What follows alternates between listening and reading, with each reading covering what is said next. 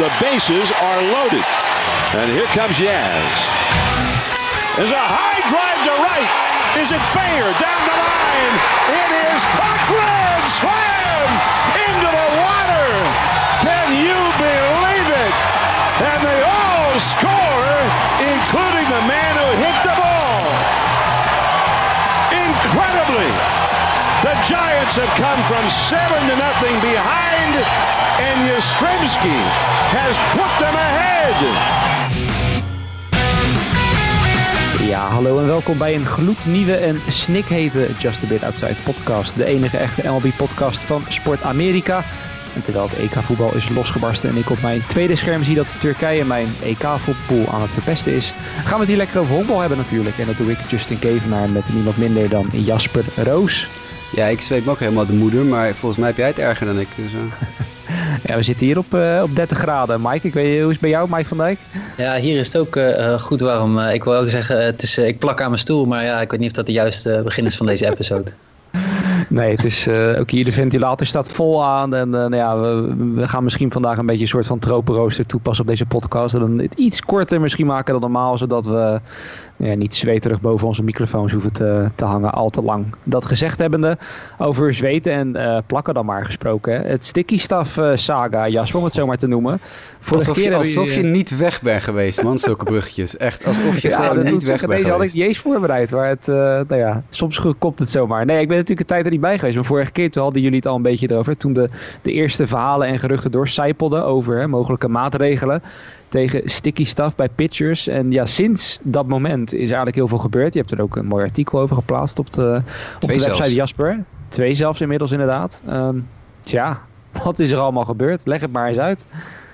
Ja, hoe moet ik dit nou in tropenrooster kort houden? Uh, we weten allemaal al jaren dat er vals gespeeld wordt in honkbal. Dat werpers namelijk plakkerige substanties gebruiken om hun grip te verbeteren. Maar dat begon ooit als gripverbetering. Hè? Dus een beetje zonnebrand mixen met die rosin die op, je, op de heuvel ligt, weet je wel, bijvoorbeeld. En dat zorgt dan voor iets betere grip. Uh, want honkballen zijn, en dat weten de mensen die zelf honkballen uh, waarschijnlijk ook wel, maar als je naar Amerika kijkt, daar worden de ballen vooraf ingesmeerd met Mississippi mud. En dat zorgt er wel voor dat ze uh, een beetje netter, een beetje meer honkballiger eruit zien, een beetje meer honkballiger spelen. Alleen het probleem is dat ze daar ook wat stoffig en dus wat ja, moeilijk vast te houden van worden soms. Dus hebben werpers jaren geleden, en hebben het over echt tientallen jaren geleden, dit is totaal niet nieuw, zijn ze al gaan experimenteren met uh, nou, zonnebrand met rosin of iets dergelijks. Of een beetje pine tar, wat je dan in je nek had. Een paar jaar geleden zagen we nog uh, uh, Michael Pineda die geschorst is omdat hij een, plekje pine tar in zijn nek had. Er is vaseline gebruikt door de jaren heen, dus van alles mee gedaan. Maar goed, dat is allemaal verboden, al heel lang. Alleen het werd nooit echt door MLB uh, gehandhaafd, die regels. Er zijn nog wel in de laatste tien jaar hebben we meerdere werpers geschorst zien worden. Uh, ik heb, eh, mijn research bracht mij tot vier pitchers. Joel Peralta in 2012, Michael Pineda in 2014, Brian Maddis in 2015 en Will Smith in 2015. Maar daarna is eigenlijk nooit meer iets gedaan aan het gebruik van dus plakmiddel om de grip op de bal te verbeteren. En rond die tijd kwamen werpers er ook achter dat je met andere mixjes en mengseltjes uh, niet alleen je grip op de bal kan verbeteren, maar ook je spin rates gigantisch kunt verhogen. En wat je dan krijgt, als je natuurlijk hele hoge spin rates krijgt, is dat je je curves breken harder, je sliders breken harder, je fastballs zijn harder en gerichter op de goede plek. En dat is eigenlijk een beetje de pan uitge, uitgerezen de laatste paar jaar. Want ja, we hebben het natuurlijk allemaal heel vaak over dit soort werpers die, uh, ja, die absurde dingen laten zien op een honkbalveld. Uh, en nu zijn ze eigenlijk zat.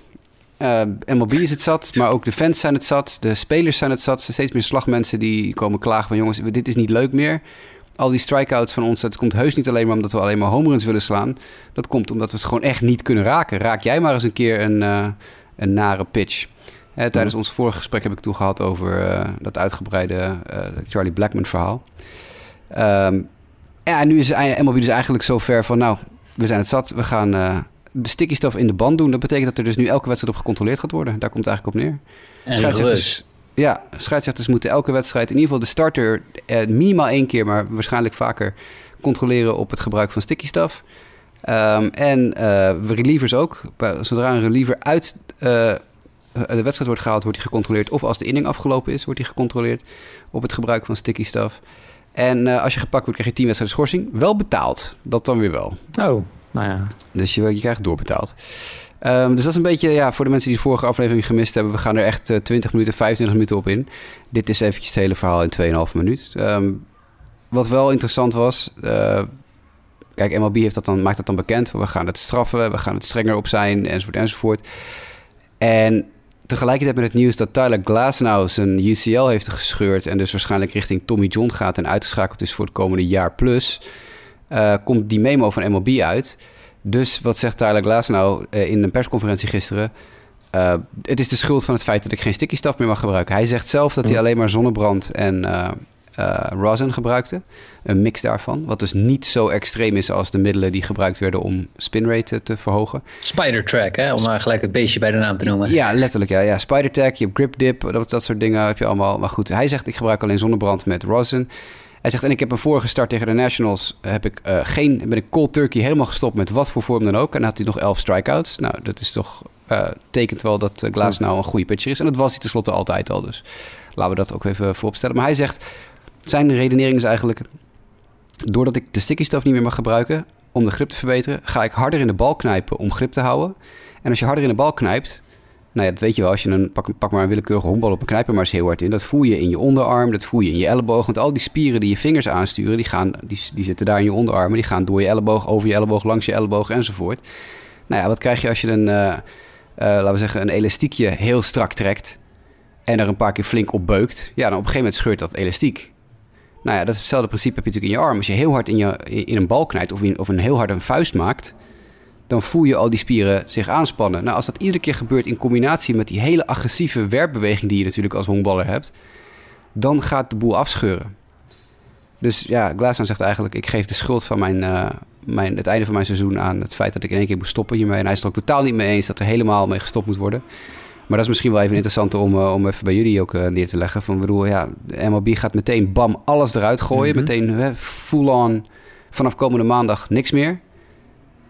En, en ik, ja, ik weet niet of we daar nou, of dat nou de manier is.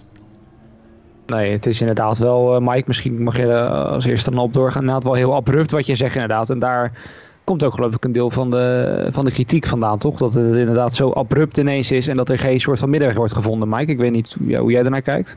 Nee, dat, uh, dat, dat, klopt. En uh, dat, dat geeft ook, zeg maar, Glasnow als een van de mensen aan, maar er zijn ook andere pitchers die zich hierover hebben uitgelaten.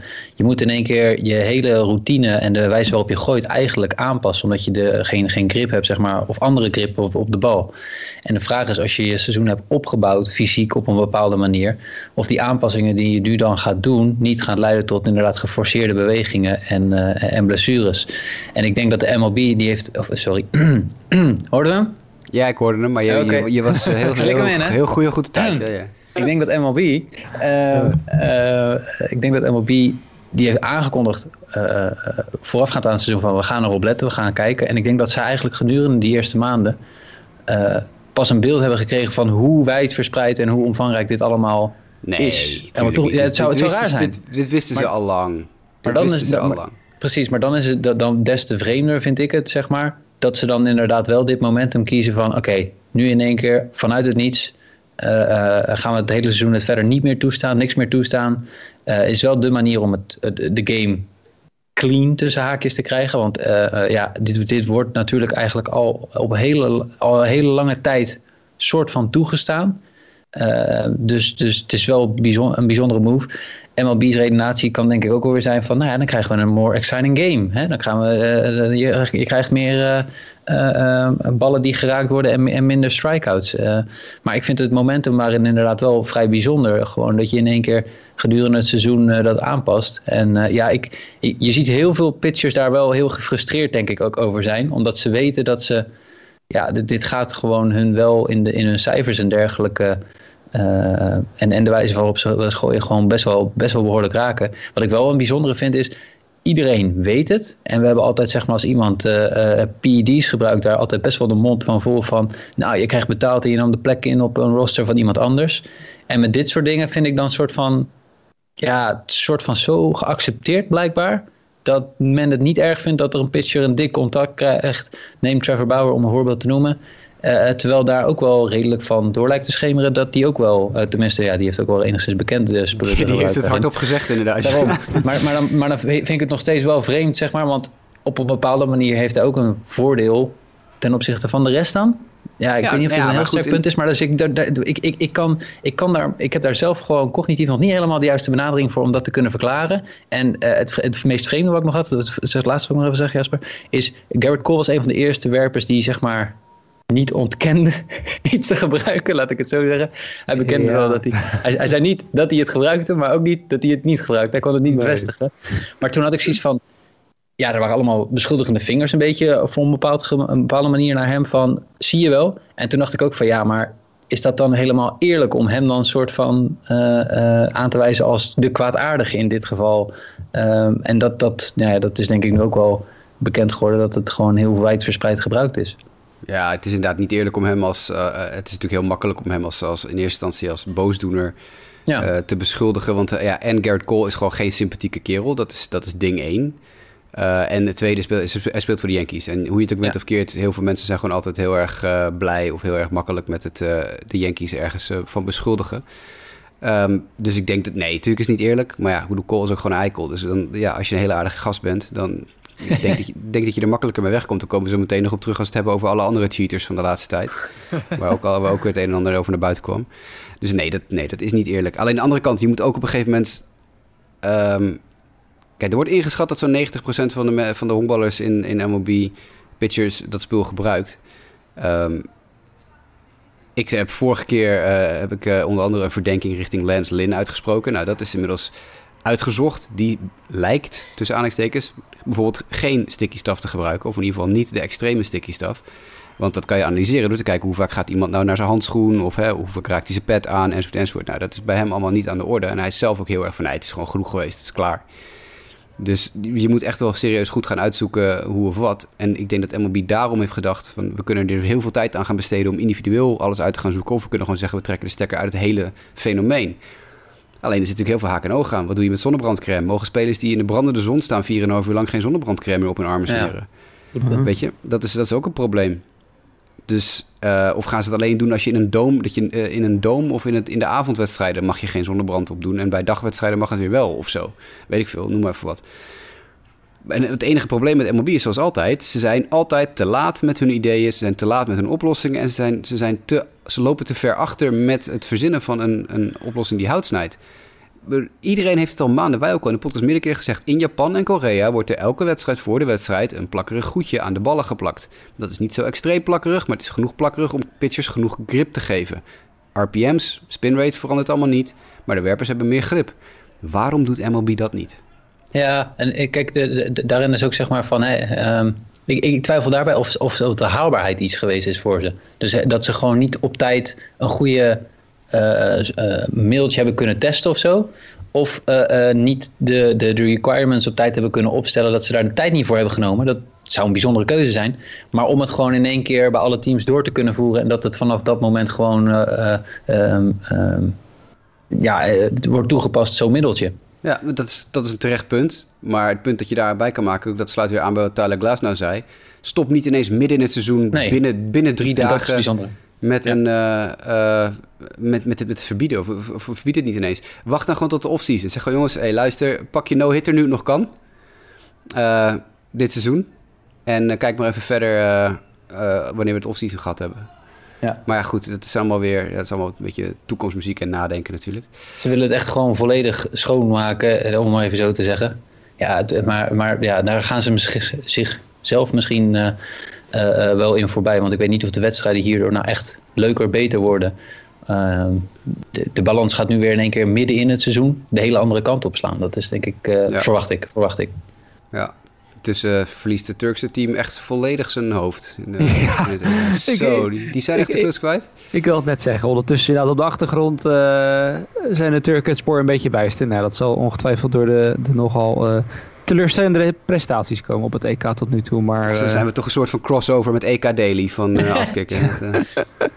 Inderdaad, maar goed. Uh, wat ja, maar wat van Justin? Wat vind jij ervan, Justin? ja, ja. Ik heb er denk ik eigenlijk vrij weinig aan toe te voegen. Uh, in die zin dat ik het ook wel heel erg extreem vind ineens dat het dan dat ze bedenken we moeten wat eraan doen als MLB zijnde en dan is het ineens uh, het, er zit niks tussenin het is dan A of B maar geen C of zo ik weet niet nee. het is uh, typisch inderdaad. we hebben daar meerdere voorbeelden van gegeven, denk ik, de afgelopen jaren zelfs. En nou ja, het, het, laatste is hier denk ik ook zeker niet over gezegd wat dat betreft. Want ik kan me niet voorstellen dat het nu bij deze ingreep blijft en dat we er verder de rest van het jaar niks meer over horen. Dat, uh, zou wat dat betreft niks, uh, niks verbazen. Maar misschien nog een leuke sidestep. Je gaf het net aan, Jasper. Laten we misschien ook nog over wat andere cheaters hebben. Want in die zin was het interessant, want Ryan Spader, Um, misschien mensen die vooral op Twitter zitten, die, die, kennen hem wel. Hij is een uh, MLB-journalist, analist. Hij heeft er nog een mooi boek geschreven. Ik, ik, weet, ik heb dat in ieder geval. De, Fabulous Stats of Baseball. of iets in die richting heet dat boek. Heel, heel leuk boek trouwens voor mensen die dat niet hebben. Er staat er vol leuke stats per franchise. Uh, van de meest bizarre dingen tot de mooiste records, et cetera. Die ging even los op Twitter. En die, die deelde daar toch wel de nodige onthullingen. Die jij, waarbij door aangaf dat het bevestigd was door meerdere spelers. Um, ja, ik zal ze wel gewoon even doorlopen en dan kunnen we achteraf wel wat over zeggen. De, de eerste was dat hij zei dat de Royals, hè, 2015 natuurlijk World Series winnaars, een full analytics en video department hadden bij hun dugout. Later voegde hij daaraan toe dat wel rond die tijd heel veel teams dat hadden. Wat ze daarmee deden, dat is een beetje in het midden, maar... Uh, ja, ja, dat hij zei dat de Royals de eerste waren die deden. Precies. Maar het klopt inderdaad. Vrij snel de rest aan het eind van het seizoen, precies, had, uh, had de rest het ook. Ja. Dan de Yankees, uh, die meerdere camera's hadden, die allemaal richting de, de handschoen van de werper gericht waren. Zowel in left center en right field, in plaats van dat ze op de catcher gericht waren. En nou ja, daarbij geeft hij dan als voorbeeld Aaron Judge in het seizoen 2017-2018 die thuis aanzienlijk beter sloeg. Uh, zoals een batting average als OBP, zijn slugging. Allemaal een stuk hoger dan uit. Uh, de Dodgers, het wordt ook wel steeds inventiever moet ik zeggen. Die, uh, die hadden iemand in Minute Maid Park tijdens de World Series van 2017. Met een MLB polo. die daar lekker camera's aan het, aan het neerzetten was. En die was uiteindelijk daar, daar betrapt. Chase Utley wordt ook genoemd. Ja, dat is belangrijk om te zeggen, even, tussendoor, even tussendoor. Die MLB-polo is belangrijk, hè? want dat, is, dat betekent dus dat het voorbedachte raden is. Want dit is een Dodgers-medewerker en die medewerkers moeten kleding, identificerende kleding aan hebben van hun club. Dus op het moment dat hij daar camera's aan het neerzetten is, moet hij een Dodgers-polo aan hebben. Maar ze hebben dat proberen te verbergen door hem een MLB-polo te laten dragen, zodat mensen dachten, oh, dat zijn gewoon camera's voor MLB-analyse of zo. Ja, nou ja, inderdaad, wat dat betreft heel, uh, heel inventief. Daarna staat er gewoon iemand die heeft gezegd dat Chase Utley de biggest cheater of all time is. En dat deed ja. vooral jou goed, Jasper, in die zin dat jij uh, meteen toegaf uh, in de app dat Chase Utley nooit bepaald jouw favoriete speler is geweest. Hè? Ik heb altijd een absolute grafhekel aan Chase Utley gehad. Ik, vind het, ik vond het een onsympathieke kerel. Ik vond het een overgewaardeerde speler. Uh, ik, dat gedweep met hem toen was heel erg irritant ook, vond ik gewoon heel storend. het is belangrijk misschien om te melden dat al deze informatie komt van een anonieme speler. Ja. Dus uh, nou ja, speler heeft alles van... Ja, je weet natuurlijk nooit wat, wie is nou een anonieme speler... maar al deze informatie komt nou, dus van... Hij zei wel more than one player, dus op zich dan... Ja, oké, okay, maar allemaal, allemaal anoniem. Allemaal anoniem. Ja, ja, ja dat zeker. Uh, Adrian Beltre... Uh, die vond ik interessant. Ja, die he had a buddy with binoculars, met verrekijkers... in dead center... who would wave an undershirt if he was getting something off speed... Ja, dus daar moet je dus op nagaan. Hè? Het is gewoon een vriendje van Beltray die elke wedstrijd een kaartje krijgt van Beltray. In het outfield in de bleachers gaat zitten met de verrekijker. Om te gaan kijken wat de catcher voor, voor pitch vraagt. En op het moment dat hij ziet dat het een cur of een breaking pitch wordt, gaat hij met een shirtje staan zwaaien. Dat is toch. En ja, ook daar, kijk, als je dan die cijfers bekijkt, inderdaad, met eh, thuis en uit, wat we net bij Judge benoemde. Um, ja, zijn slaggemiddelde thuisverbod is al bijna 100 punten hoger dan dat het uit was. Dus uh, ja, hij had in ieder geval thuis wel degelijk een voordeel, zo lijkt het. Um, dan werd ook Eric Kratz, een oud catcher, benoemd. Uh, die is namelijk al, ik denk dat dat een paar weken geleden alweer was. Hè? Ja, klopt. Ja, die was nogal losgegaan over de Rockies dat ze daar aan, uh, aan sign stealing uh, deden. Uh, dus nou ja, Ryan Spader bevestigt dat min of meer. Die zegt van nou, alles wat hij heeft gezegd, dat, dat is ook wel nu door iemand anders bevestigd. En natuurlijk het sign stealing schandaal van de Astros. dat die methode eigenlijk direct kwam van Beltran en ook New York en Texas. Dat daar die methodes vandaan kwamen voor de Astros om dat te gaan gebruiken. Um, nou, dat betekent dus, dat zei ik in de app net ook al, dat we de kampioenen van 2015, 2017, 2018 en 2020 genoemd worden als teams die vals gespeeld hebben tijdens het seizoen dat ze een World Series hm. wonnen. Op dit moment zijn alleen de Cubs en de uh, Nationals gevrijwaard. Want de Red Sox zijn natuurlijk ook al gepakt, 2018. Uh, eh, met, uh, met die videocamera gebeuren. Daar heeft Ryan Spader natuurlijk niet niks over gezegd, want dat is al algemeen bekend. Ja. Um, maar dit is wel heftig hoor. Van de laatste vijf kampioenen hebben er eh, drie vals gespeeld. De laatste zes kampioenen vier. Nou ja, dat is dus in het verlengde waar we het net over hadden. Dat MLB heel vaak te laat is. En dus blijkbaar dit soort dingen eh, niet, ja, niet, niet weet te ontdekken. Uh, tegelijkertijd misschien ook niet echt serieus bestraft. Hè, want dat stond nog in jouw stukken dat Carlos Rodon daar vooral problemen mee had. Hè, dat de Astros uh, ja, nooit echt dikke schorsing hebben gehad, zeg maar. Dat nu met werpers dat er meteen happa tien wedstrijden worden, worden uitgedeeld. Als, je, als je dus nu vanaf maandag sticky staf gebruikt. Um, ja, dat, dat is vooral het, pijnlijke daar. Want kijk, tuurlijk, en dat is denk ik in elke sport wel, iedereen zoekt telkens naar een competitive advantage. Alleen ja, als je deze verhalen zo op een rijtje eh, leest, dan, dan worden er wel echt op heel veel manieren voordelen gezocht. Die niet allemaal even ja, legaal zijn, uh, om het maar zo netjes te, te stellen. Dus ja, ik ben benieuwd. Misschien dat de speler nog met meer komt. Maar dit is in ieder geval een hele waslijst aan infractions, om het zo maar te zeggen. Benieuwd of MLB daar ook wel daadwerkelijk wat mee gaat doen. Of dat ze zoals gewoonlijk het weer even aan gaan kijken. Zo, zoals uh, Jimmy net, uh, Jimmy Driessen uh, in de app bij ons ook zei, want je krijgt er wel een beetje een Tour de France gevoel bij. En dat, dat, dat had ik zelf ook wel, dat je denkt van ja, waar hebben we dan Gebruikt en die speelt vals. En, ja. Maar goed, ik weet ook nog wel, volgens mij was dat meer, kijk de, de mensen in het buitenveld die lopen te wapperen met shirtjes en dergelijke of staan, of, die hebben we wel vaker voorbij horen komen. Alleen blijkbaar, als voorbeeld in ieder geval, want ik weet dat de Blue Jays volgens mij ook nog een tijdje zoiets gedaan, gehad hebben maar er, wordt gewoon weinig aan gedaan, of te weinig aan gedaan. Ehm, en inderdaad, de MLB loopt dan eigenlijk altijd achter de feiten, achter de feiten aan. Ja. Nou goed, laten we dan een beetje naar, uh, nou ja, beter gezegd, laten we voordat we een beetje naar het spel op het veld gaan. Allereerst nog uh, nieuws rondom de Diamondbacks, wat we wel nog even mee wilden nemen, Mike. Uh, dat is natuurlijk hè, de Diamondbacks zelf komen we zo nog even op. Het gaat niet zo lekker op het veld. Uh, en wat dan misschien ook niet helpt. nou ja, Goed, ja sorry. Just a Kevenaars understatement van de dag. het is nou wel zo. Nee, maar uh, wat natuurlijk dan ook niet helpt, want we hebben het net vooraf er al een beetje over. Er moet dan toch wel een soort van fire sale straks gaan komen. Of er moet wat gaan gebeuren qua trades natuurlijk. Als je zo ver achterloopt op de rest. Maar ja, de GM, Mike Hazen, die, uh, die is er voorlopig niet. Dus dat, dat maakt hem wel lastiger. Dat, dat heeft wel een reden natuurlijk dat hij er voorlopig niet is. Dat klopt. Hij is uh, in uh, springtraining uh, heeft hij naar buiten gebracht dat zijn, zijn vrouw een, een agressieve vorm van hersenkanker heeft. Mm. en dat ze daarvoor voor behandeld wordt. Ehm, ze hebben samen, geloof ik, drie of vier kinderen.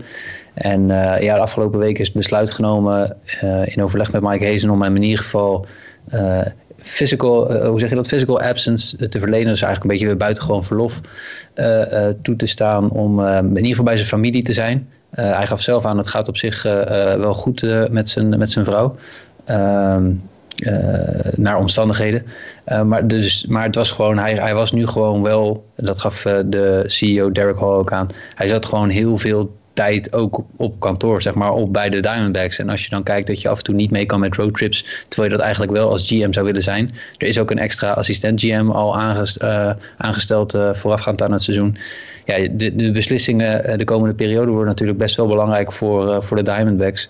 En los van dat de privésituatie op één staat, lijkt mij, is het ook denk ik voor de Diamondbacks op dit moment beter om te kijken of, of andere mensen niet die positie tijdelijk waar kunnen nemen en, en in kunnen vullen. Maar zoals je al aangeeft, ja, gegeven de koers van het seizoen tot nu toe, moeten er wel wat dingen gaan gebeuren richting de trade deadline.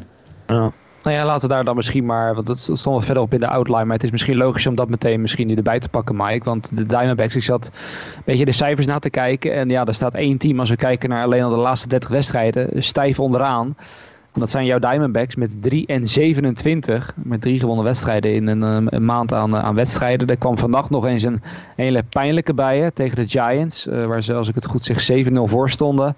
Maar uiteindelijk een Grand Slam in de achtste inning bracht de Giants er voorbij en uiteindelijk eroverheen.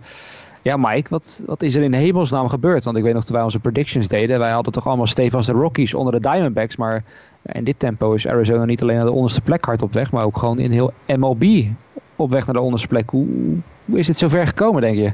En, en historisch slecht. Als ze vanavond verliezen van de Giants, Mhm. Dat is iets wat zou goed, goed zou kunnen gebeuren, gegeven. Dan uh, hebben ze 22 uitwedstrijden op rij verloren. En de laatste keer dat dat gebeurde, waren de New York Mets in 1963 die 22 uitwedstrijden op rij verloren. Dus dat zou een uh, ongekende evenaring zijn van een record. Nou ja, er is eigenlijk van alles misgegaan vanaf, het, uh, vanaf de start van het seizoen. en met name blessureleed. nog voor het seizoen was Cole Calhoun, nou niet dat Cole Calhoun een wereldspeler is, maar die viel geblesseerd weg. Kort daarna was Marte, de beoogde sterspeler zeg maar, in de line-up, die zijn hamstring afscheurde en een aantal weken miste. En eigenlijk zijn zo steeds domino-steentjes naar de AL gegaan, waarbij met name ook de starting pitching ja, dat is echt iedere keer puzzelen wie ze op die heuvel moeten gaan zetten. En als je daar totaal geen vastigheid in hebt, uh, ja, dan wordt het gewoon heel moeilijk om wedstrijden te winnen. Want offensief geven ze hier en daar echt wel uh, voldoende, hm. voldoende thuis. Ik wil dat zeggen, die line-up ziet er ook best oké uit als ik hem zo bekijk. ja. Ja, dat is zeker niet MLB onwaardig. We hebben veel erger, ergere teams gezien zeg maar, de afgelopen jaren. Klopt. En ik denk ook nog steeds, als je kijkt welke andere teams er slecht spelen, dan kijk je eigenlijk alleen op van de Minnesota Twins, die een beetje onderaan staan, waarvan je denkt van nou, gegeven de, de, de verwachtingen voorafgaat aan het seizoen en het team, zou je die daar ook niet verwachten. Uh, maar de Diamondbacks zouden op zich uh, aanvallend niet onder hoeven doen voor teams als de Pirates en de, en de Marlins. Uh, maar wat er ook bij is gekomen, ja, in ieder geval, ik weet niet of je dat is. Het, het team speelt echt gewoon rete slordig. Het is echt verschrikkelijk om te kijken. En um, vorige week waren we uit, geloof ik. Waren we, ah, uh, speelden de Diamondbacks uit in, uh, in Milwaukee. En toen was er ook weer, weer zo'n slordige inning. En toen, normaal gesproken is Tori Lovello, Lovello wel iemand die zeg maar de spelers binnenskamers aanspreekt op hun, rollen en verantwoordelijkheden en wat ze goed en, en niet goed doen. En dit is de eerste keer dat je hem in de dugout alle spelers zeg maar zag toespreken van jongens, dit kan echt niet meer. We moeten echt beter gaan spelen. En uh, nou, in, volgens de mensen in Arizona heeft hij nog steeds zeg maar de dugout, de steun van het team. Want iedereen was daar wel redelijk bij betrokken en niemand leek echt soort van daar zich niks van aan te trekken. Uh, maar ja, het is, het, is, het is lastig voor, voor hem, want ja, zijn contract loopt af. Uh, de GM, Hazen, steunt hem wel. En ik denk ook nog steeds dat, dat hij de beste manager is die op dit moment kan hebben. Alleen het team presteert gewoon echt waardeloos. En uh, um, ja, een, deel is ook echt gewoon pech. Maar uh, we nemen, de blessures. En uh, soms vallen de puzzelstukjes ook niet goed in elkaar. Maar ja, het gaat er wel toe leiden dat richting de trade deadline uh, Marte in ieder geval wel geruild gaat worden. Um, een andere speler die veel gevraagd zal worden is Eduardo Escobar. Die ook wel offensief, met name in de power department, veel laat zien dit seizoen weer. En, uh, en David Peralta, daar gaat dus ook wel vanuit dat hij uh, naar, een, uh, naar een andere club zou gaan. En ja, dat moeten wat, wat talenten aan gaan opleveren die de Diamondbacks competitief gaan maken de komende jaren. Maar de starting pitching, ja, het is gewoon echt... je, je kijkt liever niet eens meer naar de probables, want ja, het is gewoon eigenlijk een triple-A rotation. Ja, nou ja, het is inderdaad... Ik, ik ken wel een club dat nog op zoek is naar een tweede honkman en een rechtsvelder trouwens. Kan Peralta rechtsveld spelen? Ja, volgens mij. Hij staat wel vlak. Mij. Ik, ik, denk wel dat hij dat ook wel kan. Uh, laat ik zo zeggen, ik ben een verkopende partij. Als jij een linksvelder of een rechtsvelder zoekt, hij kan het allemaal. Ja, anders hebben ze ook George Reddick, maar ik weet niet of je daar uh, blij mee van wordt. Precies. Nee. Die ook inderdaad weer, dat ik laatst ook. Dus ik keek toevallig een Diamondbacks uh, recap, dat ik ineens George Reddick weer zag. Dat ik dacht, oké, okay, ja. dat heb ik ook even gemist, maar die is ook weer terug. Ja. Nee, dat ja. Maar wie, wie had je als, als, als geïnteresseerde, Jasper? De Chicago White Sox hebben een, uh, een gat op het tweede honk en een, uh, een lijk in het rechtsveld staan. Want Adam Eaton slaat op dit moment, ik geloof, uh, eh, 123 over de maand mei en juni. Dus dat is een, een gat. En ja, Nick Madrigal heeft zijn hamstrings afgescheurd, is geopereerd en is het hele jaar uitgeschakeld. Dus we hebben ook nog een tweede honkman nodig. Ja. Kijk, ik weet, dat, ja, ik weet dat die Yankees, die, tenminste die heb ik ook wel gehoord als mogelijk geïnteresseerde voor Marte. Uh, maar ja, je moet altijd maar kijken of er een deal gevonden wordt. Want uh, Jasper zei het ook al voor de, voor de eh, aflevering. Uh, het is een bijzondere positie dat je GM niet gaat over deze besluiten die mogelijk de, de richting van de, de, de Diamondbacks de komende jaren wel kunnen bepalen. Dus dat wordt wel bijzonder hoe dat gaat lopen. Ja, het is natuurlijk interessant om ook te kijken. De Eduardo Escobar natuurlijk opgeleid door de White Sox. Heeft gedebuteerd voor de White Sox in de Major League jaren geleden. En is toen verkocht aan de Minnesota Twins voor uh, Francisco Liriano. En uh, ja, ik denk dat het wel heel erg des White Sox is om een, uh, een jongen die ze zelf gescout en opgeleid hebben weer terug te halen. Dus. Ja, ja. Nou ja, en Escobar ook, hè. vergeet het niet. Staat ook gewoon nu vierde in de National League in RBI. Dus ja. ja wat dat betreft, het is, geeft aan dat hij een goed jaar staat. Hij achter Tatis, Arenado en Brandon Crawford, of all people. Wat ja. uh, ook een bijzonder uh, gegeven is. Ik moet wel zeggen, we hebben afgelopen week nog uh, ons best gedaan om er mooie verkoopplaatjes van te schieten. Want we hebben een nieuw tenuutje uitgebracht bij ja, de Diamondbacks. Las Serpientes. Gouden, gouden tenuutjes, of wat is het? ja, een beetje zandkleurig-achtig. We zijn het, vet. Ja, het, het, zesde of zevende team geloof ik dat de, de City Edition shirts uh, uh, heeft gekregen. Het zijn uh, zandkleurige tenues. Boston, twee keer Chicago, Miami. Jullie zijn de vijfde. Vijfde. vijfde. Okay. Dus de volgende nog meer. Maar ja, het zag er stylish en, en weer wat anders uit. Maar zoals de CEO ook zei, ik hoop wel dat we gaan winnen. Want het zou niet echt het zou toch zonde zijn als je dit soort shirts in, in zo'n waardeloos seizoen... Ja, ja maar is, de shirts zijn super vet. Het logo is heel vet. En dan vind ik het echt weer, het zei ik tegen jou ook al van de week, een gemiste kans dat ze op de pet weer gewoon die standaard Arizona A hebben gezet. Ja, die S had er ook op gekund, hè? Ja, die, die, die S van die Snake, die, uh, van de Serpientes, die had, er, die had erop gekund. Ja. En dat is toch veel vetter. Ik bedoel, je hebt, kijk naar die petten van, hè, de, vooral dan de Miami Marlins. Die pet is zo gaaf. Die is mooi, hè? Dat ja. is gewoon echt een instant koop voor mij. Want het is een uniek logo. Het is iets wat je nergens anders vindt, alleen op die pet. Dus dat is een instant, instant koop voor mij. Nou ja, goed, de White Sox pet was tof, is uniek. Maar niet zo vet als het logootje dat op de Miami Marlins pet staat. Dus ja, ik bedoel, ik snap absoluut niet dat ze niet gewoon een vet logo ervoor geplakt hebben. Nee. Goed, laten we dan naar wat teams gaan waar het wel uh, goed mee gaat. En dan zit ik te denken, laten we dan toch eerst even naar de Rays en de White Sox gaan. Ook een beetje om de Die reden toevallig over vijf minuten beginnen. Ja, even speak gaan beginnen. Uh, meer ook vooral omdat we enerzijds ja, de White Sox misschien wat vaker hebben benoemd. Maar ja, toch bijzonder dat dit de twee teams zijn die momenteel in de American League uh, ja, de, de, de, de dans leiden als het ware. Waar de White Sox gewoon heel veel blessures hebben. En de Rays eigenlijk misschien wat geniepig, kan ik misschien wel stellen. Gewoon weer heel langzaam naar boven zijn gekropen. En de EO East gewoon uh, leiden, Jasper. Ja, dit lijken toch twee teams, ook de White Sox, ondanks alle blessures. Uh, waar we gewoon toch echt weer serieus rekening mee moeten gaan houden. Ja, ik sterker nog, uh, ze zijn niet alleen de beste twee teams in de American League, ze zijn de twee beste teams in de Major League. Nummer 1 en 2 in de hele league, American en National League. Uh, ja, dit is, het zijn twee misschien teams die niet meteen verwacht waren dat ze bovenaan zouden staan. 1 en 2 in de, in de hele league. Maar ik denk wel dat als je kijkt naar, naar bijvoorbeeld hoe de Rays hebben staan spelen weer dit jaar, de pitching die ze krijgen. Ryan Yarbrough start vandaag voor de, voor de Rays. Die is echt ja, een beetje niet uit het niets, maar wel een klein beetje uit het niets. Echt, echt gewoon steengoed. Um, en daarbij heb je natuurlijk naar de pech dat ze daar nu Tyler Glasnow kwijt zijn. Dat is wel even vervelend voor ze. Dat is misschien ook wel even een tikje in het, uh, ja, in het uh, geestelijke ja. gedeelte. Ja, Rich Hill die het heel goed doet. Nee, ja, precies. Rich Hill, net pitcher of de maand. Ja. Dus ja, en toch de offense doet weer genoeg. Austin Meadows heeft zijn hot streaks. En, uh, en Arosa Arena staat goed te spelen. dus alles bij elkaar is het eigenlijk weer gewoon een, een collectief aan misschien niet zulke hele grote namen. Kijk, laten we voorstellen, het verlies van Glasnow is gigantisch. Mm. Maar wat die jongens hebben rondlopen bij Tampa Bay in de minor league... wat eventueel die plek kan overnemen. Want ze hebben nog een Louis Patino. Ze hebben nog een Brent Honeywell. Shane Baz is net opgeroepen naar AAA, naar de Durham Bulls. Dit zijn drie jongens die, nou ja... Uh, bij de top 35 prospects in baseball horen. Oh. Dus ik bedoel, het is ook echt niet zo dat ze... Ja, tuurlijk, hè, ze verliezen kwaliteit met het verlies van Glasnow... Maar ze hebben echt wel nog wat rondlopen wat dat over kan nemen. Dus dit is, het, het, het lijkt allemaal weer heel houdbaar. Het lijkt heel houdbaar. Blijven we natuurlijk ook heel erg fit. Uh, in tegenstelling tot uh, de nummer 2, waar we zo meteen op komen. Dus dat scheelt ook. Um, dus ik zie niet in waarom de race niet gewoon de AL East kunnen winnen. Met het, natuurlijk het, het dramatische, uh, nou ja, toch wel anderhalve maand die de Yankees doormaken. Wat echt niet om aan te zien is bij tijd en wijle. Um, Alleen de Red Sox eigenlijk niet een beetje kunnen volgen. Nee, maar die, die pitching is volledig ingestort de laatste ja. paar weken. En wat ook wel te verwachten was. Um, wat zelfs mij door Red Sox-fans zoals Sander Grasman uh, verteld werd. Nou, het gaat, het gaat instorten binnenkort. Alleen het is een beetje mm. afhankelijk. Wanneer Jurian Ubach, die zei nog tegen mij... Ja, de, de maand, maanden juni en juli zijn altijd, altijd slecht in Boston. Nou, dat blijkt ook wel weer een beetje. Um, dus die gaan instorten. Dus ja, ik zie niet in uh, waarom de Rays niet uh, eerst kunnen worden in de AL East. Nee.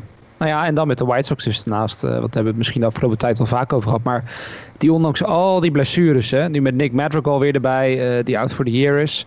Uh, het ja, toch ook gewoon goed blijven doen. En vooral ook viel me op, ook gewoon tegen goede teams het gewoon goed blijven doen. Het is heel bizar om te zien. De, de, eigenlijk, de slogan van de White Sox is change the game. De hashtag en de slogan van dit seizoen, de marketingcampagne is change the game. Maar ik denk dat het veel beter uh, next man up kan worden of zo. Want het is, het is absurd wat die voor blessures uh, om hun oren krijgen. Dus met Eloy hebben we al uh, uitgebreid over gehad. Robert is eruit met een blessure na een paar weken seizoen. Adam Engel miste ze dan nog anderhalve maand. Die is weer terug en die slaat eventjes de pannen van het dak nu. Dus dat is wel prettig. Maar nu Madrigal. Moncada is al een paar dagen weer ziek. Zonder dat we heel veel meer informatie daarover krijgen. wat die heeft is niet helemaal duidelijk. Nou, intussen hebben ze een catcher die nummer 2 in, uh, in American League in weighted runs created plus is, maar wel 188 slaat. Dat is ook knap. Mhm. Als je gewoon tweede in de league bent in weighted run created plus, maar dat je 188 als slaggemiddelde hebt. Dus het, uh, die heeft een heel apart seizoen, echt een historisch apart seizoen. Uh, ja, dit team wordt gedragen door de pitching. Ik bedoel, die rotation is met afstand de beste in baseball op dit moment. het is echt niet close ook. Uh, Lin is natuurlijk onaantastbaar. Uh, Giolito heeft net weer drie of vier starts op rij met minimaal negen strikeouts gegooid. Uh, dus die is weer een beetje op de weg terug. Uh, Keikel was gisteren tegen de Race echt fantastisch. Echt fantastisch. Dat was echt weer World Series MVP uh, Cy Young materiaal. dus ja, ik bedoel, deze rotation is, is waanzinnig. En die draagt dit team. Want ik bedoel, als je het moet hebben, kijk naar die line-up. Wie staan er in de line-up? Brian Goodwin start nu al een week achter elkaar. Nou. Brian Goodwin. Ooit van gehoord? Ja, precies. Ja, ja, ja, zeker. Dat is de Royals toch onder andere. Maar dat zijn altijd meer iemand Ja, maar die, ook die bij de Reds gezeten. Die, die is eruit gestoten bij, bij de Pirates. team inderdaad uh, dan opduikt, zeg maar. Dat is precies. De Pirates donderen hem eruit begin van dit jaar. Was dus niet goed genoeg voor de Pirates. En die staat nu in het centerfield bij de White Sox. Weet je wel? Dus dat is, uh, nou, Adam Eaton heeft een dramatisch seizoen. Dat is eigenlijk gewoon, die moet gedieveed worden. Dat is gewoon afgelopen. Uh, Leori Garcia krijgt elke dag een start. Jake Lamb, Mike wel bekend. Jake Lamb is weer helemaal mhm. terug op, uh, in de Major League. Staat ook echt goed, uh, goed te spelen. Dus dit is echt een vreemdelingenlegioen aan het worden. Danny Mendick start op het tweede honk, oké. Okay. Abreu heeft nog niet zijn, zijn MVP-vorm gevonden. Bedoel, de enige veldspelers die echt, echt goed zijn te spelen zijn Moncada, die echt op MVP-niveau aan het presteren is. Tim Anderson. En dan ben je er eigenlijk wel. Ik bedoel, Andrew Vaughn, de rookie, nog steeds. Ja, die doet het goed, maar het blijft een rookie, weet je wel. Dus het is, het is eigenlijk, eigenlijk is het niet te begrijpen dat dit team maar gewoon blijft winnen. Maar de pitching is echt gewoon ja, onaantastbaar. Ja, en misschien het laatste team, en daarvoor geef ik hem even, even door aan Mike, dat misschien deze, dit verhaal dan moeten betrekken. Want dat is dan het team wat momenteel, als ik het goed bekijk, hetzelfde record heeft als de White Sox. Dus nou ja, gedeeld tweede zullen we dan maar zeggen de San Francisco Giants. Die het gewoon blijven doen. Staan er weer een wedstrijdje boven de Dodgers, Mike. Uh, nou ja, natuurlijk een ploeg uit jouw divisie. Met nog steeds, en we herhalen het elke keer denk maar weer. Maar als je naar, naar die line-up kijkt, denk je van... Hoe kan dit in hemelsnaam? Maar ja, dat komt omdat uh, guys als Kevin Gausman en Alex Wood... en Anthony DiSclafani ontzettend goed zijn. Maar het, ja, is dit nu echt een moment, denk jij, dat we dit echt moeten gaan geloven? Dat we dit niet meer weg kunnen gaan lachen van... Dit kan niet? Ik, ik ben wel nu serieus aan het geloven in de wildcard kansen voor de San Francisco Giants. Misschien doe ik ze daarmee nog tekort, maar want ik denk uiteindelijk, uh, als je gewoon kijkt, uh, bij de Dodgers zie je ook nog steeds grote namen in de line-up. Nog niet helemaal het uh, neem Cody Bellinger, die nu weer geblesseerd is. Ja, als die gewoon standaard erin blijft spelen en dergelijke, dan verwacht ik dat Los Angeles echt wel voorbij de San Francisco Giants gaat, gaat komen. Uh, maar de Giants, ja, ze staan gewoon ontzettend goed te spelen. En uh, ook de laatste, tenminste, jullie uh, was het ook opgevallen. Evan Longoria was soort van compleet herboren. Ja. is nu ook geblesseerd. Maar de Giants blijven gewoon winnen. Ja, je moet je ook wel blijven winnen van zeg maar, de teams zoals de Diamondbacks. Maar dat doen ze wel. En zoals je net zei, Kevin Gossman is ook bezig echt aan een ongekend sterk seizoen. Dus ik, ik, ik zie nog geen reden. Ja, los van. Het is een onsexy veteranenteam. Nou ja, ze zeggen wel, Wilmer Flores die ineens weer terug is bijvoorbeeld. Omdat inderdaad Longoria oud is, dat soort dingen. Ja. Brandon Crawford die gewoon ontzettend sterk staat, staat te hitten. het, is, ja, het, zijn, misschien niet de meest wilde namen, maar they make it work. Ja, inderdaad. Crawford en Posey, de twee 34-jarigen, de bejaarden inderdaad, die nou ja, als je kijkt naar de line-up die ze nu dan hebben, zonder Longoria gewoon de twee toonaangevende spelers zijn. Nou goed, Longoria, ik zeg dan wel deze bejaarde, die is bijna 36. Dus het zijn gewoon drie bijna 35ers en een 1,35-plusser die, die, die het vooral dragen aanvallend. En uh, nou ja, dat inderdaad Cosman, Alex Wood, die Sclafani en ook Cueto doet het ook nog, nog verdienstelijk uh, daarin. Ja, het is, uh, het is bijzonder. En het is inderdaad niet per se inderdaad, hè, wat vaak hoop je dan op een jong team met leuke uh, spelers zoals bijvoorbeeld misschien met de Blue Jays toch nu al een beetje een jaar of twee hebben. Maar ja, het is oud, degelijk en het, uh, het werkt. Jasper, ben jij wat sceptischer of gaan we nu toch wel echt geloven? Nee, nou ja, ik, ik zei het eh, volgens mij een aflevering geleden ook al, of twee afleveringen geleden ook al, dat uh, op een gegeven moment moet je teams meer credit gaan geven dan je eigenlijk van tevoren mhm. verwacht had. En toen ben ik de Giants al credit gaan geven. Ja, het is eigenlijk, Mike heeft de, de, de spijker op zijn kop geslagen in die, in die analyse. Het is, het is een, een onsexy team. Het is een saai roster als je het op papier bekijkt. Maar ja, als het werkt, dan werkt het. Ja, ik heb niet te klagen. Ik sta naar, een White Sox team te kijken waar letterlijk nog maar één ster op de line-up staat. Op dit moment. De rest is allemaal of geblesseerd of ziek. Dit is, uh, ja, um, als het werkt, dan werkt het. Weet je, uh, blijf winnen. More power to you. En blijf fit. Dat is zeg maar ook dat een is, uitdaging. Dat is ook, ja, dat is ook wel een uitdaging. Uh, maar het, het, het, het, meest sexy gebeuren van het team nog wel eens af en toe als Chadwick Trump, onze landgenoot... Uh, uh, Maar ik geloof dat hij nu weer naar de minors is uh, Ik geloof dat hij nu weer, want ik ja. zag dat Kurt Casali alweer uh, terug is. Dus ja. Maar, maar Chadwick Trump heeft ook de aandacht getrokken van het vaker al genoemde Twitter-account Ken Tremendous. Uh, de Michael, Mike Schur is dat, uh, mm-hmm. de mhm. televisiewriter. Die zag van de week de naam Chadwick Tromp toen hij opgeroepen was. En toen zei hij, nou, dit is echt zo'n geweldige naam. Die had letterlijk in al mijn televisieseries terecht gekund. uh, dat vond hij zo gepast. Dus, dus, zelfs, zelfs Ken Tremendous heeft inmiddels Chadwick Tromp opgemerkt. Mooi. Dan uh, tot slot nog twee dingen. En dan uh, kunnen we richting blessures gaan. En uh, kunnen we lekker wat verfrissing gaan opzoeken. Twee stats die ik nog. Nou ja, eentje is misschien denk niet veel voor mensen onbekend. En Vladimir Guerrero Jr. meer gewoon even benoemen. Ja, wat voor belachelijk seizoen hij tot nu toe doormaakt. Hè. Bovenaan in RBI 56. Meeste home runs met 22. Ene hoogste batting average. Achter niet wat minder dan Nick Castellanos van de Reds. En alleen Mel Ott en Eddie Matthews waren jonger. Toen ze hun eerste 20 home run seizoen hebben Jasper, ik zal me alleen nu wel te bedenken, nu ik dit zo oplees, dit, dit mooie gegeven, dat Guerrero aan een MVP-achtig seizoen bezig is. Wat is te vager misschien eigenlijk, dat de Blue Jays zelf best wel teleurstellen, toch? Maar één game boven 500. Ja, de Blue Jays hebben natuurlijk het probleem dat ze ten eerste Springer nog steeds niet, uh, om wat voor redenen, uh, langdurig in de line-up hebben gehad. Uh, hun pitching, hebben we voor het seizoen al gezegd, is niet denderend. Nou, dat, ze zijn niet slecht, maar het is ook absoluut niet denderend. Kijk, ik bedoel, Ryu is goed. Ray heeft zo nu en dan zijn goede starts, maar is ook eigenlijk niet iemand waar je op kan bouwen. Uh, Nate Pearson natuurlijk door de mand gevallen en weer terug naar de minors gestuurd. Dus het, houdt allemaal niet over bij de Blue Jays als het op pitching aankomt. Um, maar ja, in principe moet je vanuit... Het is natuurlijk net Kevin Biggio is een tijdje eruit geweest met, uh, met die, uh, die rugblessure... waar Mike en ik het de vorige keer over hadden. Nou, die is weer terug en heeft geloof ik weer twee home geslagen inmiddels. Um, dat is een team wat een beetje top-heavy is... waar er geen of te weinig productie van de roleplayers komt. Ik bedoel, wie zijn de belangrijkste spelers in het team? Guerrero. Uh, Bichette, denk ik. Teoscar, die runs. Teoscar Hernandez, Bichette en Biggio. Huh? Nou, Teoscar en Biggio hebben allebei al een uh, IL-stintje achter de rug. Uh, Biggio was daarvoor ook niet in super goede vorm. Nee. Dus dan komt het eigenlijk allemaal van, van Guerrero en een beetje van Bichette. En de rest is eigenlijk gewoon niet... Dat is allemaal leuke roleplayers, maar niet jongens die ja, die een team gaan dragen in een moeilijke periode. Dus dan moet het allemaal van één of twee jongens komen. En dat gaat zeker als het zulke jonge gasten zijn als uh, Guerrero. Op een gegeven moment is dat even afgelopen. Ja. En dan tot slot denk ik, een, eh, een leuke was wel, want de Cubs die, uh, nou ja, moet ik zeggen, verrassen ons misschien toch ook nog wel steeds op, tot op zekere hoogte. Door aan kop te blijven in de Central, waar de Cardinals bijvoorbeeld een beetje wegzakken. De Reds nu wel een beetje terugvechten. En de Brewers uh, dan nu gelijk staan met de Cubs in de NL Central. Ging het toch vooral de afgelopen twee weken over Patrick Wisdom. Mike, had jij ooit van deze Patrick Wisdom gehoord? nee, nog niet. Nee, toch uh, ja, heeft hij inmiddels negen home runs geslagen. Hij is de eerste Cub sinds 1949 die dit presteerde zijn eerste 20 wedstrijden. Ik uh, had hem ook even opgepikt in fantasy, maar toen had hij uh, vier wedstrijden geen homer. En toen dacht ik van, nou oké, okay, het, uh, het, is voorbij. Ik geloof vannacht of eergisteren sloeg hij weer eentje. Maar ja, dit is denk ik wel de meest random speler. een beetje zoals Aristides Aquino van de Reds twee Precies. jaar terug. Ja. Die ineens op zo'n streak gaat, waarvan we eigenlijk allemaal wel weten, dit kan niet.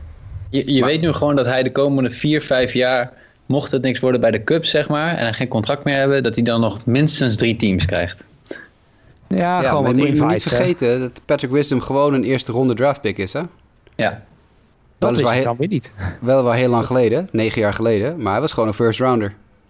Dus zal ik de draft ronde, ronde nee, CA, dat is comp, uh, comp Competitive uh, Balance ronde A. Ja, dat is twee, okay. maar dat, dat geldt als uh, eerste ronde. Oké. Okay. 52ste overall in, in 2012 door de Cardinals. Hmm. Dus het is geen jongen die... Nou ja, kijk, hij komt voor ons uit het niets. Uh, want we hebben nog nooit van hem gehoord, of we hebben nog bijna nooit van hem gehoord. Of hij deed natuurlijk uh, niet zo heel veel hiervoor. Hij heeft bij St. Louis één seizoen meegedraaid, 2018, 50 slagbeurten gehad. Nou, verdienstelijk. Vier home runs, 10 RBI's, uh, 260 slagwinnen, 882 OPS en een 139 OPS+. Plus. Dus op zich speelde hij prima, maar die hebben hem toen laten gaan naar Texas. Dat was helemaal niks. In, bij de Cubs in 2020 heeft hij twee slagbeurten gehad, was hij 0 uit 2. En nu is hij inderdaad op zijn 29ste de, de Patrick Wisdom die we kennen... met 9 home runs in 62 plate appearances. Um, maar dit is op zich, ja, het is een jongen met enige, enige mate van pedigree. Want het is wel first round. Oké. Ja. Nou, dan ga ik hem meteen weer oppikken zo. Dat, uh, nou, dit verhaal is toch, toch een former top prospect. Hè? Die zijn altijd in onze Fantasy League, uh, moet je er dik voor, uh, voor betalen. Oké, deze is al 29, maar dan uh, moet je die fab dollars ervoor neer gaan leggen. Maar goed, in dat geval benieuwd hoe lang uh, onze Patrick Wisdom het vol gaat houden. Het is nu ook vooral door al die blessures die ook de Cubs bijvoorbeeld hebben. Vooral het infield met David Bodie. Uh, Nico Horner die, die, die wegviel. nou ja, daardoor eigenlijk gedwongen erin gegooid. En nu is de vraag van ja, moet hij wel weer zo snel straks aan de kant worden geschoven voor bijvoorbeeld een David Bodie die nou, ook nooit zo bijzonder vindt. Maar ja, we gaan zien hoe de Cubs dat aan gaan pakken de komende tijd. Dan tot slot nog wat blessures, Mike. Ehm, de een wat serieuzer dan de ander. Nou, Nick Madrigal zie ik hierbij staan, hebben we ook al wel behandeld. Longoria ook. Precies, volgens mij ook, ja. ja, ja ik, er blijven er voor mij maar twee staan. Maar goed, ja, zelfs die ene is geen blessure meer, volgens mij. Want die gaat vanavond gooien. Nee, inderdaad, van de, de Grom bedoel je. Ja, die lijkt even aan jou. Ja, nou ja, inderdaad. Dat was toch even schrikken inderdaad. De right flexor tendinitis. Waardoor hij uit zijn vorige start ging. Maar het lijkt wel mee te vallen. En hij staat inderdaad alweer op de rol om, om te gooien. En uh, dat is mooi, want ja, voor mensen die het gemist hebben, laagste ERA van MLB, 0,56. Dat is het beste na 10 start sinds ooit. Hè. Sinds het letterlijk ooit is bijgehouden ergens in 1913 of zo, zeg ik even uit mijn hoofd. Dat ERA uh, eh, officieel weer bijgehouden. Uh, nou ja, de Grom heeft dat record te pakken. Hij staat meer dan één run in ERA boven de volgende. Dat is Kevin Gosman tweede staat in dat uh, klassementje. Ja, eh, wat kunnen we zeggen over de Grom? Alles is een open deur wat dat betreft. Die, uh, die keihard intrapt in te zeggen dat hij momenteel gewoon de beste werper is in de majors. En dat hij fenomenaal is. En dat het goed is voor de Mets die natuurlijk nog steeds aan kop gaan in de NL East. Ja, dat hij terugkomt. Want ze hebben nu vijf punten voor, vijf games voorsprong op de Phillies, 6,5 op de Braves. En met de Grom op de heuvel. Ja, is natuurlijk altijd goed. Dan kan je die voorsprongen licht wat verder uit gaan bouwen. Dus dat is mooi nieuws. Zeker. De andere blessure die je hadden is ook uh, New York. Luis Severino in uh, zijn rehab start. Uh, zag je hem in één keer van de heuvel af. Ja, hinkelen was het net niet helemaal, maar hij had in ieder geval flink verkeerd was hij terechtgekomen. Hij heeft een liesblessure en daardoor duurt zijn herstel van Tommy John surgery een maand langer, omdat hij ook van de liesblessure moet herstellen. Dus ze verwachten hem nu een maand later terug dan wat de verwachting was. Nou, dat is uh, bepaald geen goed nieuws voor de Yankees. Zoals we al zeiden, een beetje in die AL net zoals de Blue Jays waar we het net over hadden. Ja, toch wel twee wat, wat teleurstellende teams waar meer van verwacht was. Waardoor in dit geval de Rays en de Red Sox daar de, de dans nu leiden in die, uh, die divisie. Ja, ah. En andere blessures. Ja, ik, kan nog zeggen, Max Scherzer, Max Scherzer staat nog met een uh, ja, ontstoken lies. staat het, is naar de IL gegaan. Maar voor de rest hebben we de meeste blessures. Cody Bellinger, Tyler Glass nou volgens mij wel uh, al aangetipt in de episode.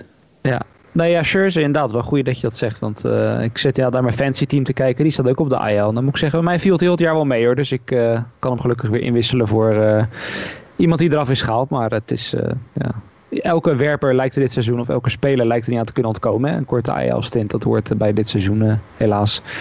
Nou, dat gezegd hebbende, het het is misschien net niet zo kort geworden als dat we misschien wilden, te hitten. Maar we hebben het net iets korter gehouden dan, dan normaal. En de Turken die zijn de kaart afgegaan. Wat dus, zoals ik al zei, mijn pool heeft verpest. Ik weet niet, hebben jullie EK-pools ingevuld? Jasper, jij nog? Ja, zijn die nog een beetje in leven? Of, redelijk, maar ik had Turkije ook door naar de volgende ronde. En dat wordt op deze manier een beetje lastig. Dus...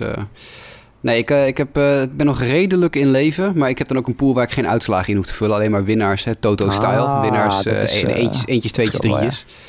En dan, en dan alles, de rest van het toernooi voorspellen. Ik kan je wel verklappen dat ik België als Europees kampioen heb. Dus ah, okay. die kans is nog, is nog in, in leven. Hoewel ik wel België tegen Portugal in de finale heb. En dat zie ik na gisteren niet meer gebeuren.